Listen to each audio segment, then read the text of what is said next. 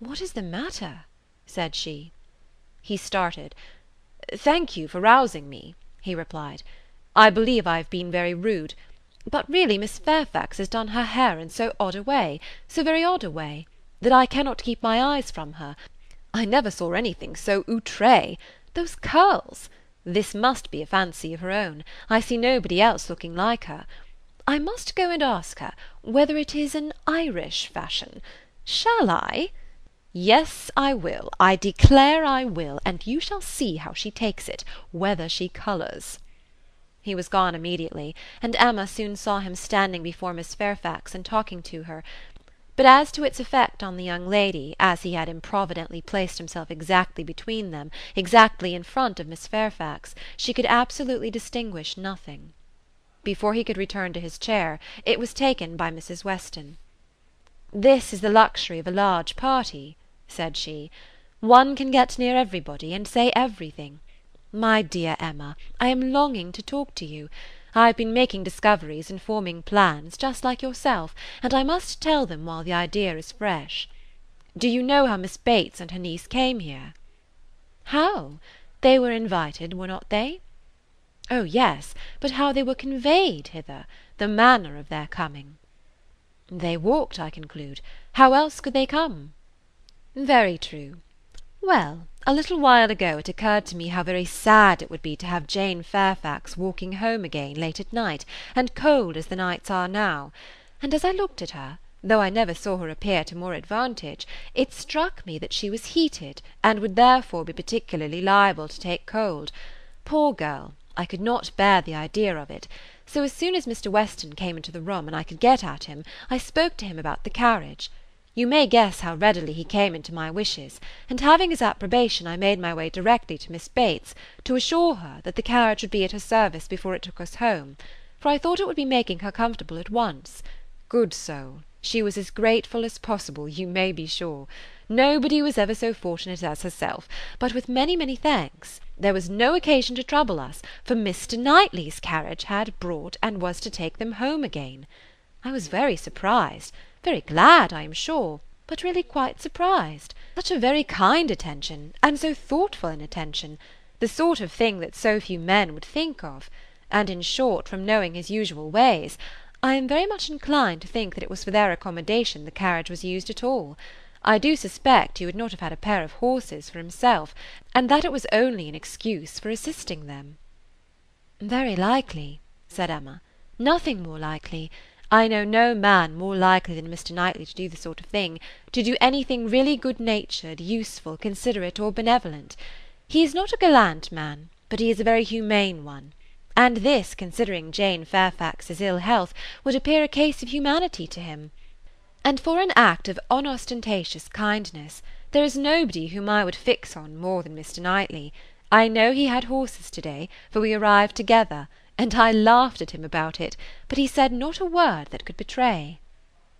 "Well," said Mrs. Weston, smiling, "you give him credit for more simple disinterested benevolence in this instance than I do; for while Miss Bates was speaking, a suspicion darted into my head, and I have never been able to get it out again.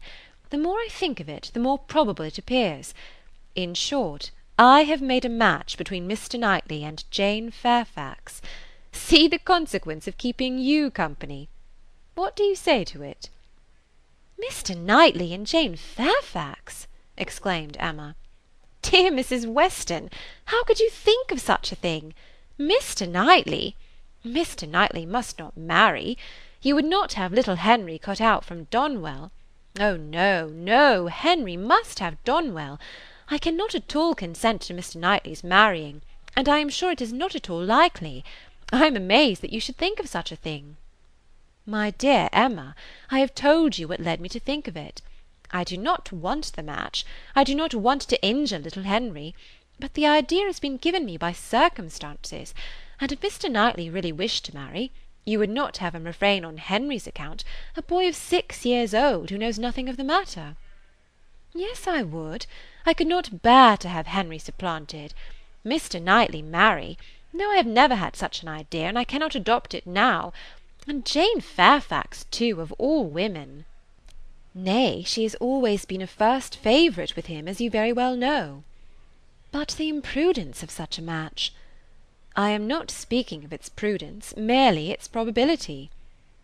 I see no probability in it, unless you have any better foundation than what you mention. His good nature, his humanity, as I tell you, would be quite enough to account for the horses. He has a great regard for the Bateses, you know, independent of Jane Fairfax, and is always glad to show them attention. My dear Mrs. Weston, do not take to match making. You do it very ill. Jane Fairfax, mistress of the Abbey! Oh no, no! every feeling revolts. For his own sake I would not have him do so mad a thing. Imprudent, if you please, but not mad. Excepting inequality of fortune, and perhaps a little disparity of age, I can see nothing unsuitable. But Mr. Knightley does not want to marry. I am sure he has not the least idea of it. Do not put it into his head. Why should he marry? He is as happy as possible by himself, with his farm, and his sheep, and his library, and all the parish to manage, and he is extremely fond of his brother's children. He has no occasion to marry, either to fill up his time or his heart. My dear Emma, as long as he thinks so, it is so. But if he really loves Jane Fairfax Nonsense! He does not care about Jane Fairfax. In the way of love I am sure he does not. He would do any good to her or her family, but well, said Mrs. Weston, laughing, perhaps the greatest good he could do them would be to give Jane such a respectable home. If it would be good to her, I am sure it would be evil to himself a very shameful and degrading connection. How would he bear to have Miss Bates belonging to him? To have her haunting the Abbey, and thanking him all day long for his great kindness in marrying Jane? So very kind and obliging! But he has always been such a very kind neighbour! And then fly off through half a sentence to her mother's old petticoat! Not that it was such a very old petticoat either, for still it would last a great while, and indeed she must say thankfully that their petticoats were all very strong. For shame, Emma! do not mimic her. You divert me against my conscience, and upon my word I do not think Mr. Knightley would be much disturbed by Miss Bates. Little things do not irritate him. She might talk on, and if he wanted to say anything himself, he would only talk louder, and drown her voice. But the question is not whether it would be a bad connection for him, but whether he wishes it, and I think he does. I have heard him speak, and so must you, so very highly of Jane Fairfax. The interest he's taken in her, his anxiety about her health, his concern that she should have no happier prospect. I have heard him express himself so warmly on those points. Such an admirer of her performance on the pianoforte, and of her voice! I have heard him say that he could listen to her for ever. Oh, and I had almost forgotten one idea that occurred to me. This pianoforte that has been sent here by somebody, though we have all been so well satisfied to consider it a present from the Campbells, may it not be from Mr. Knightley? I cannot help suspecting him. I think he is just the person to do it, even without being in love. Then it can be no argument to prove that he is in love. But I do not think it is at all a likely thing for him to do. Mr. Knightley does nothing mysteriously. I have heard him lamenting her having no instrument repeatedly, oftener than I should suppose such a circumstance would, in the common course of things, occur to him. Very well, and if he had intended to give her one, he would have told her so. There might be scruples of delicacy, my dear Emma. I have a very strong notion that it comes from him. I am sure he was particularly silent when Mrs. Cole told us of it at dinner. You take up an idea, Mrs. Weston, and run away with it, as you have many a time reproached me with doing. I see no sign of attachment. I believe nothing of the pianoforte, and proof shall only convince me that Mr. Knightley has any thought of marrying Jane Fairfax. They combated the point some time longer in the same way, Emma rather gaining ground over the mind of her friend, for Mrs. Weston was the most used of the two to yield; till a little bustle in the room showed them that tea was over, and the instrument in preparation, and at the same moment Mr. Cole approaching to entreat Miss Woodhouse would do them the honour of trying it. Frank Churchill, of whom, in the eagerness of her conversation with Mrs. Weston, she had been seeing nothing, except that he had found a seat by Miss Fairfax, followed Mr. Cole to add his very pressing entreaties, and as, in every respect, it suited Emma best to lead, she gave a very proper compliance. She knew the limitations of her own powers too well to attempt more than she could perform with credit; she wanted neither taste nor spirit in the little things which are generally acceptable, and could accompany her own voice well. One accompaniment to her song took her agreeably by surprise; a second, slightly but correctly taken by Frank Churchill. Her pardon was duly begged at the close of the song, and everything usual followed. He was accused of having a delightful voice, and a perfect knowledge of music, which was properly denied, and that he knew nothing of the matter, and had no voice at all, roundly asserted. They sang together once more, and Emma would then resign her place to Miss Fairfax, whose performance, both vocal and instrumental, she never could attempt to conceal from herself, was infinitely superior to her own. With mixed feelings she seated herself at a little distance from the numbers round the instrument to listen.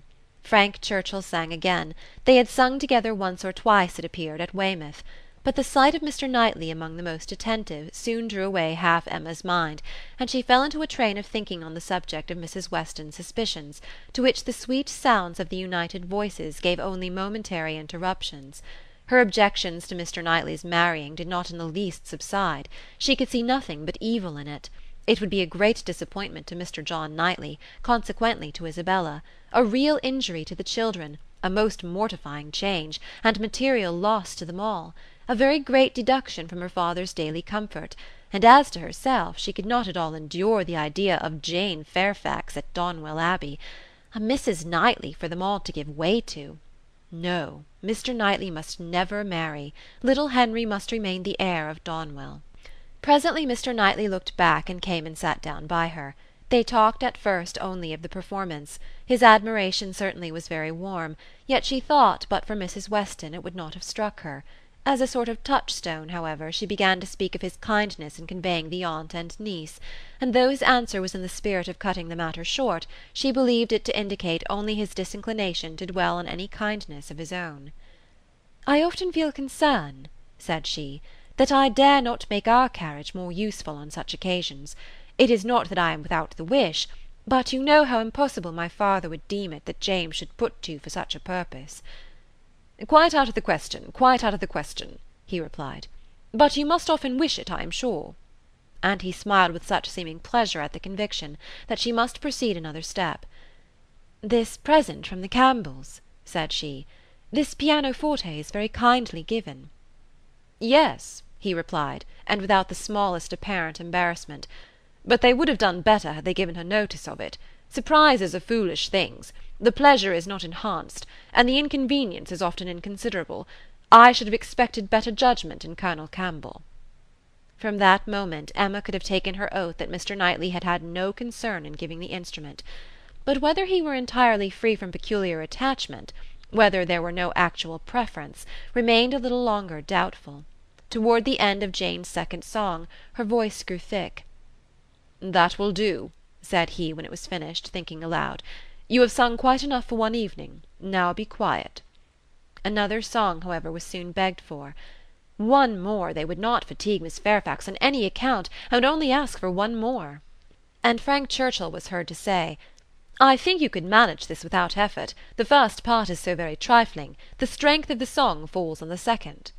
Mr. Knightley grew angry. "That fellow," said he indignantly, "thinks of nothing but showing off his own voice. This must not be." And touching Miss Bates, who at that moment passed near, "Miss Bates, are you mad to let your niece sing herself hoarse in this manner? Go and interfere; they have no mercy on her." Miss Bates, in her real anxiety for Jane, could hardly stay even to be grateful, before she stepped forward and put an end to all farther singing. Here ceased the concert part of the evening, for Miss Woodhouse and Miss Fairfax were the only young lady performers; but soon, within five minutes, the proposal of dancing, originating nobody knew exactly where, was so effectually promoted by Mr. and Mrs. Cole that everything was rapidly clearing away to give proper space. Mrs. Weston, capital in her country dances, was seated, and beginning an irresistible waltz, and Frank Churchill, coming up with most becoming gallantry to Emma, had secured her hand and led her to the top. While waiting till the other young people could pair themselves off, Emma found time, in spite of the compliments she was receiving on her voice and her taste, to look about, and see what became of Mr. Knightley. This would be a trial; he was no dancer in general; if he were to be very alert in engaging Jane Fairfax now, it might augur something. There was no immediate appearance. No, he was talking to Mrs. Cole, he was looking on unconcerned, Jane was asked by somebody else, and he was still talking to Mrs. Cole.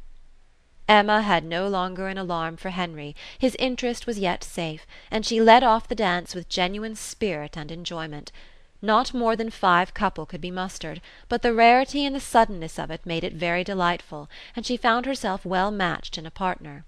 They were a couple worth looking at. Two dances, unfortunately, were all that could be allowed; it was growing late, and Miss Bates became anxious to get home on her mother's account. After some attempts, therefore, to be permitted to begin again, they were obliged to thank Mrs. Weston, look sorrowful, and have done. "Perhaps it is as well," said Frank Churchill as he attended Emma to her carriage. "I must have asked Miss Fairfax, and her languid dancing would not have agreed with me, after yours."